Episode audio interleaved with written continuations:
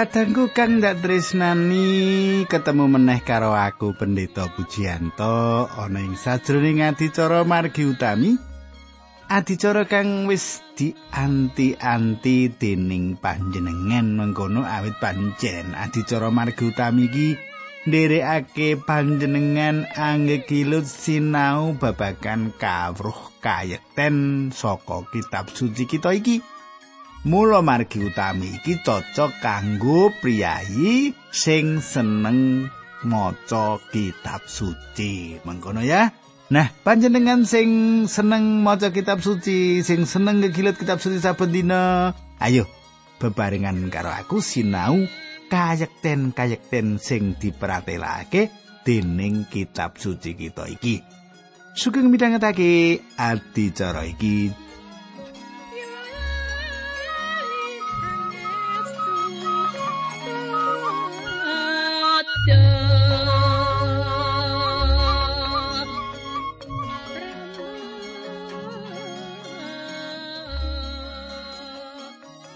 Para pamirsa apa panjenengan isi kelingan apa sing ndaturake marang panjenengan ing patemon kita kepungkur kae?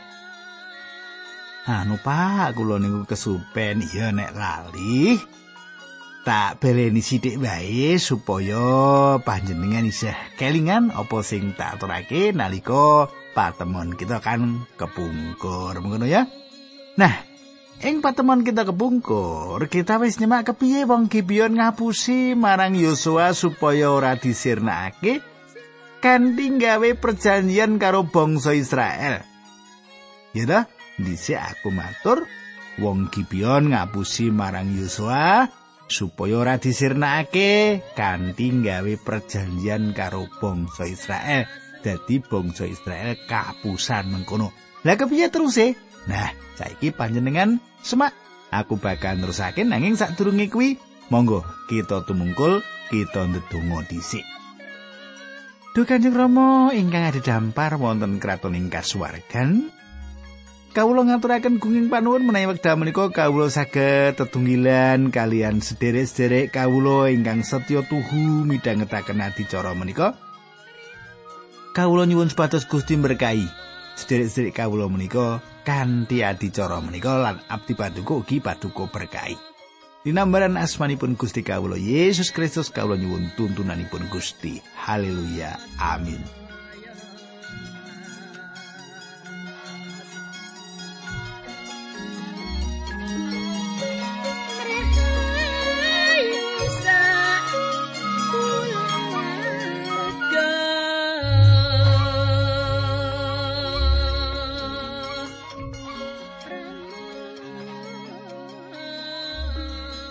Kadangku kang ndak tresnani. Ing dina iki pasinaon kita wis ngancik kitab Yusa utawa Yusua pasal 10. Gambaran kang dijumbuhake kasunyatan saiki kanggone kabeh bangsa ing pasal iki yaiku perjanjian kang ditindakake Yosua karo wong Gibeon. Mesine wae Yosua kudune ora kena nganakake perjanjian iki nanging awit dheweke nganakake perjanjian mau, Yosua rumangsa kacancang karo perjanjian kuwi. Kudune ora etuk ning wis kadung mengkono ya. Nah, saiki panjenengan semak aku arep maca ayat Yosua 10 ayat siji loro telu lan papat mengkene surasane. Iki ing basa pedinan lho katangku. Adoni Sedek raja ing Yerusalem krungu yen Yosua wis ngrebut lan gempur kutha Ai. Sarta mateni rajane kaya sing ditindakake marang kutha Yeriko lan rajane uga krungu yen wong-wong Gibeon wis gawe perjanjian karo wong Israel lan padha manggon ing tengahe bangsa mau. Wong-wong sing manggon ing kutha Yerusalem padha kuwatir sebab Gibeon gedene padha karo kutha-kutha sing ana rajane malah luwih gedhe ketimbang karo Ai tur meneh wong-wong Gibeon kuwi perjulit-perjulit gemblengan. Mulane Adoni Sedek utusan nemoni Raja Oham Hebron Raja Piram ing Yarmut Raja Zafia ing Lakis lan Raja Debir ing Eglon didawi mengkini. Kula aturi suka pambiyantu dhateng kula mergi kula badhe nyerang kita Gibeon awit tiang Gibeon sampun damel perjanjian kalian Yosua lan tiang-tiang Israel. Kadangku panjenengan gatekake, gatekake ayat-ayat mau. Raja-raja iki krungu perjanjiane antarane wong Gibeon karo bangsa Israel lan bangsa-bangsa mau kepingin nyerang lan ngejur wong-wong Gibeon. Ayat 5. Raja lima mau ya kuwi raja Yerusalem, raja Hebron, raja Yarmut, raja Lakis lan raja Eglon padha kekancan. Banjur ngepung kutha Gibeon lan nyerang kutha mau. Kadangku, dadi apa kang ditindakake dening wong Gibeon iki? Coba Nang wis diserang dikepung kaya ngono, kepiye? Apa sing dilakoni? Ayat 6. Wong-wong Gibeon nuli aweh kabar marang Yosua ing paliran gigal mengkene nyuwun tulung ndara. Sampun panjenengan tega mugi kersa paring pambiyantu. Tentaranipun raja-raja Amori saking daerah Paraten sampun saiyek ngluruk perang dateng kula sedaya. Kadangku, wong-wong Gibeon ngirimake tanda bebaya marang Yosua Enggal tulungi aku sak bangsa. Mengkono ya. Saya kita terus ke ayat pitu, ayat bolu, ayat songo ya. Gatek ke ayat ya. Iki boso pedinan lo ya. Mungkin ini surasani. Yosua sak tentarane klebu ke prajurit-prajurit sing pilihan banjur budal saka Gika ngeluruk perang. Gusti Allah ngendika marang Yosua kowe aja wedi karo raja-raja kuwi mergo kabeh wis ndak ulungake marang kowe mulane siji wae ora bakal ana sing bisa nadai kekuatan. Yosua sak tentarane sewengi muput mlaku saka Gega menyang Gibeon banjur ora kenyono-nyono nyerang wong Amori. Kadangku manut aku, ya. Manut aku nggone Yosua menehi pitulungan marang bangsa Gibeon ana loro jalarani. Ana pira? Ana loro jalarani. Sing kawitan awit perjanjian kuwi mula Yosua wajib menehi pitulungan. Awit saka perjanjian kaping pindho paling ora Yosua wis didawi supaya nyirnakake mungsuh kang ana ing tanah kuno. Dadi Yosua nggawa laskari kanggo ngoyak wong-wong Amori iku. Yosua nggunakake cara nyerang dadakan lan Gusti mapanake wong-wong Amori ana ngarepe wong Israel. Saiki tak teruske ayat rolas nganti 14. Mengkene surasane. Ing dina mau nalika pangeran maringi kamenangan marang bangsa Israel ing perangi karo bangsa Amori, Yosua matur ing ngarsane pangeran karo disekseni dening wong Israel sing ana ing kono mengkene. He srengenge mandek ing dhuwure Gibeon lan kowe rembulan aja gingsir saka dhuwure lebak Ayalon. Srengenge ya banjur mandek lan rembulan ora gingsir nganti para mungsuhe wong Israel wis ditelokake kabeh. Lelakon iki katulis ing kitab Yasar. Sedina muput srengenge ini mandek ing tengahing langit lan ora surup-surup. Ora tau ana kedadian sing kaya mengkono lan ya ora bakal kelakon meneh. Karpe menungso dituruti nganti semono dening Gusti Allah. Kuwi ora ya mergo Gusti Allah piyambak maju perang mbelani bangsa Israel. Kadangku. Kita wis ngrembug maneka tafsiran bab dina kang dawa kang dialami dening Yosua ing wiwitane pasal iki. Manut Yosua 10 ayat 13, aku percaya yen Gusti Allah ngendhekake srengenge kanggo mujudake mukjizat iki. Srengenge mandek jigrek Yusua banget mbutuhake sunar nalika perang. Dadi Gusti Allah ngendhekake srengenge lan kanggo nyuda panase srengenge Gusti paring udangan es. Gusti Allah gawe srengenge tetep mandek ing panggonan kang padha. Kanthi mengkono Yosua bisa etuk kamenangan ing peperangan iku. Prakara mengkini kuwi keprungune ora mlebu ing nalar kanggo sawetara wong nanging Gusti Allah nindakake mukjizat iki. Kadangku, Gusti Allah uga ngutus singkang putra rawing jagat, sedo kanggo wong-wong dosa kang luwih nggumunake yen ditimbang karo ngendhek ngendhekake srengenge. Gusti Allah ngendhekake srengenge panjenengane ngatonake kawicaksanan lan panguasane. Nalika panjenengane ngutus putrane ing jagat kanggo dadi menungsa lan seda ing kayu salib, Gusti Allah ngatonake katresnane. Menawa saupamane panjenengan kalebu wong kang siji-sijine kang dilairake ing jagat iki, Sang Kristus uga bakal seda kanggo panjenengan. Nanging kita duwe sawijining istilah iku sih rahmat. Kaya kang ditulis ing Efesus 4:8. Sebab enggonmu diparingi keselamatan kuwi mergo sih rahmati Gusti Allah. Lantaran nggonmu percaya marang Gusti Yesus, keselamatan kuwi dudu ing pambudidayamu nanging peparingi Gusti Allah. Saiki Yosua 10 ayat 15, 16, 17 nganti 19. Mungkin suasana. Sawise rampung perangi, Yosua banjur mulih bebarengan karo tentarane menyang palerenane ing Gilgal. Nanging Raja Amori lima mau bisa lolos lan ndelik ing sawijining guwa ing Makeda. Bareng ana sing ngonangi panggonan sing dinggo ndelik mau, banjur kondo marang Yosua. Yosua nuli perintah lawangi gua kuwi tutupen nganggo watu gedhe-gedhe lan jaganan. Kuwi padha nerusno ngoyak mungsuh serangan saka mburi aja nganti bisa bali mlebu ing kuthane. Gusti Allah wis ngulungake mungsuh kuwi marang kowe. Kadangku panjenengan kudu eling. Panjenengan kudu eling. Raja-raja Amori lan uga rakyate wis diparingi wektu 420 tahun supaya mutusake apa wong-wong mau bakal mertobat karo Gusti Allah apa ora.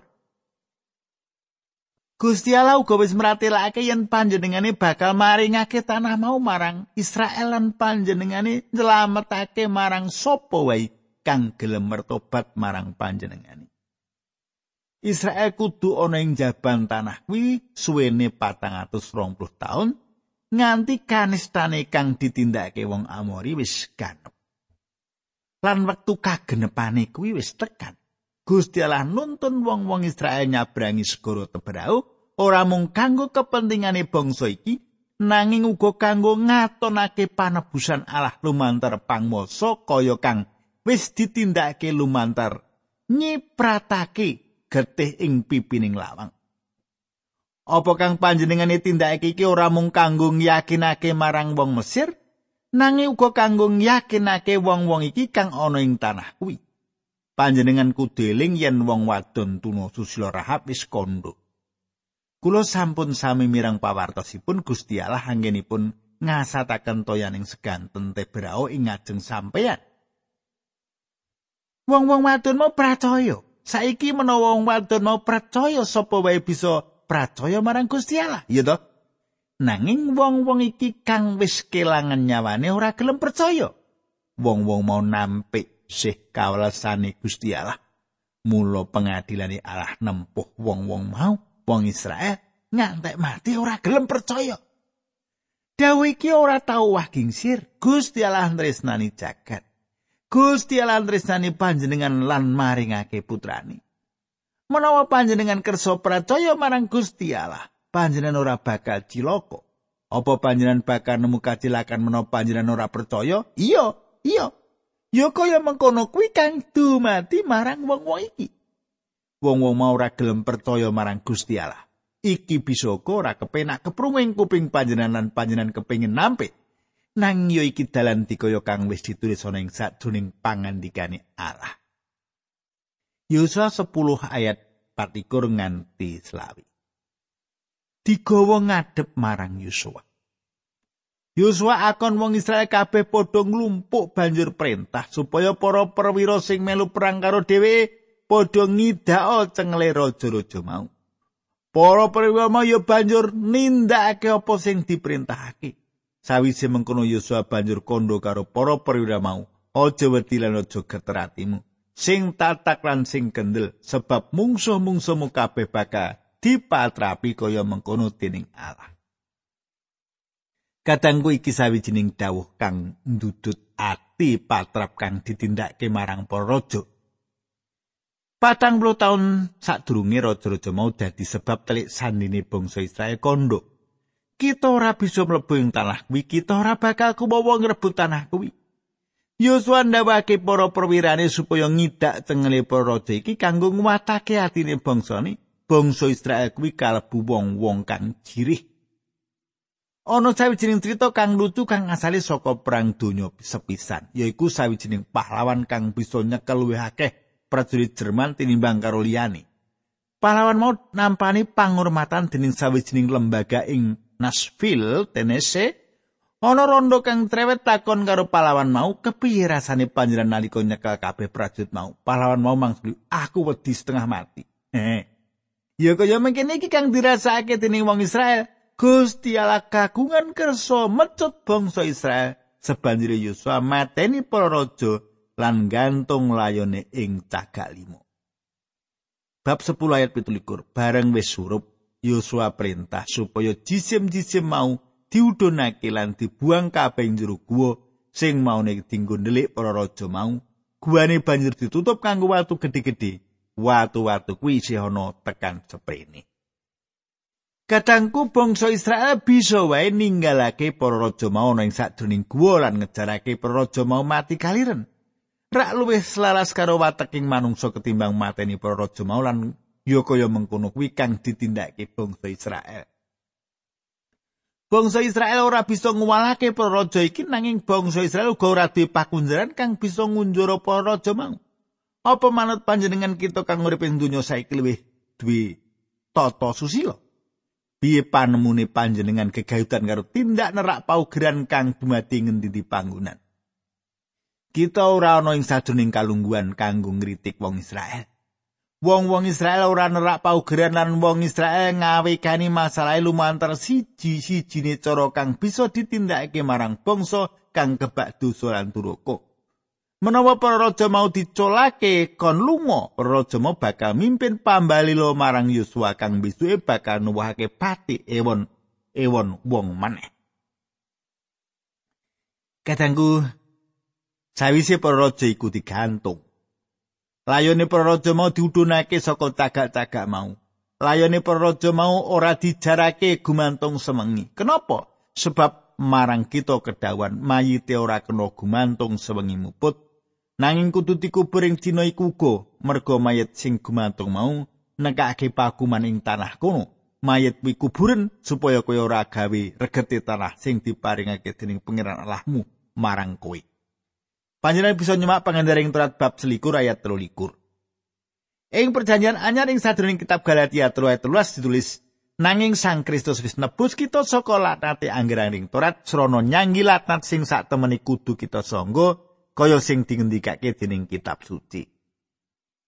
Kena ing lanat saben wong sing kapentang ana ing kayu salib katangku. Sang Kristus disalibake Nanging wong-wong kang nyalip mau ngudhunake layone Gusti Yesus saka kayu salib awit ana tinulis yen laknat wong kang gumantung ing kayu salib. Panjenengane nanggung laknat dosa kanggo panjenengan lan aku. Saiki Yosua 10 patang siji nganti patang telu. Peperangan sing dipimpin dening Yosua kuwi mremen saka Kades Barnea ing sisih kidul tekan Gaza sak pesisir klebu ing daerah Gosen terus mangalar tekan Gibeon. Raja-raja lan wewengkone cukup diserang sepisan dening Yosua merga pangeran ala Israel sing nindakake peperangan mau. Sawise mengkono, Yosua lan tentarane banjur padha bali menyang palirenane ing Gilgal. Kadangku penting kanggo disemak yen Gusti Allah maringi kamenangan lan hak milik marang Israel. Jaman saiki kamenangan kita ana ngastani Sang Kristus. Urip kang menang yaiku gesange panjenengane ing sadurung badan kita. Sebanjure kita diberkahi kanthi kabeh berkah kasukman kang dadi hak milik kang wis diprastiyake panjenengane marang kita. Kadangku ora krasa saiki kita nganti Yusua 11. Pasal iki ngemot peperangan ing perangan sisih lor lan reringkesane saka kepemimpinan Yosua ing sajroning peperangan. Saiki ayat siji loro telu papat lima enam tak wacake yo. Kabar bab bangsa Israel oleh neluk neluk ake wis keprungu dening Yabin raja ing Hasor. Mulane banjur utusan wong ngandani Yobab raja ing kutha Madon mengkono uga raja-raja ing kutha Simron lan Aksab. Sarta raja-raja sing ana ing kutha-kutha pegunungan sisih lor apa dene sing ana ing arene kali Yarden sakiduli tanah Galilea daerah ing sikile pegunungan lan daerah pesisir sak cedhake kutha Dor Raja Yabin uga tusan marang bangsa-bangsa kenaan sing ana ing sisih kulon lan sisih wetane kali Yarden yoki bangsa-bangsa Amori, Het, Peres lan Yebus sing manggon ing pegunungan sarta bangsa Hewi sing manggon ing sikile Gunung Hermon ing daerah Mispa. Raja-raja mau padha teka kabeh nggawa tentarane dhewe-dhewe ora ana sing keri, cacahe akeh banget persasat wedi ing gisi ing segara semono cacahe jaranan kretani. Prajurit mau teka bebarengan dikumpulake dadi siji sarta ngedekake markas ana ing sacedhake Tlaga Merom saka kono arep padha nyerang marang bangsa Israel. Pangeran ngendika marang Yosua aja wedi karo wong-wong kuwi. Sesuk wayah mengkene wong-wong mau kabeh bakal ndak tumpes ana ing ngarepe Israel jaran-jaran iku kudu kok klumpukake dhisik sawise mengkono kereta-keretane perang kudu diobong. Kadangku ya ben raja Hisor. Kang manggon daerah ing sisi lor katone dadi wong kang ngajani Allah. Raja mau ngutus utusan marang kabeh wong ing daerah kono supaya nyerang Yosua. Awit cetha yen Yosua wis ngejeki, ngebroki, ngrebut daerah sisi kidul. Lan Yosua bakal maju ngalor. Lan menawa Yosua maju menyang lor dheweke bakal ngebroki tanahe kang tentu wae bakal dumadi kaya mengkono saiki para raja sisih lor manunggal. Ayat pitu Yosua sak tentarane dadakan nempuh mungsu-mungsu ana ing sak cedhake telaga Merah. Taktik Yosua sawise ngedum rong tanah kuwi dadi loro banjur nyerang wong-wong mau dadakan Iskandar Agung lan Napoleon nggunakake taktik sing padha. Saiki ayat 18 lan 19 bab 11. Yosua oleh merangi raja-raja ing kono nganti suwe wekasane raja-raja mau kena dicekel dening Yosua lan dipateni kabeh. Kutha-kutha ing tanah kono kabeh ora ana sing gawe perjanjian damai karo bangsa Israel kejaba Gibeon kutane bangsa Hewi. Kutha-kutha liyane ditelokake sono perang. Kadangku iki sawijining peperangan kang suwe lan nekake panandang maneka warna. Monggo kita tumungkul kita ndedonga. Dukane Rama ing swarga kawula ngaturaken gunging panuwun menawi kawula saged ngegilut pangandikan paduka lan saged sinau kayektosan saking pangandikan paduka. Kawula pasrahaken dherek kawula menika linambaran asmanipun Gusti Yesus Kristus kawula tunggu haleluya amin.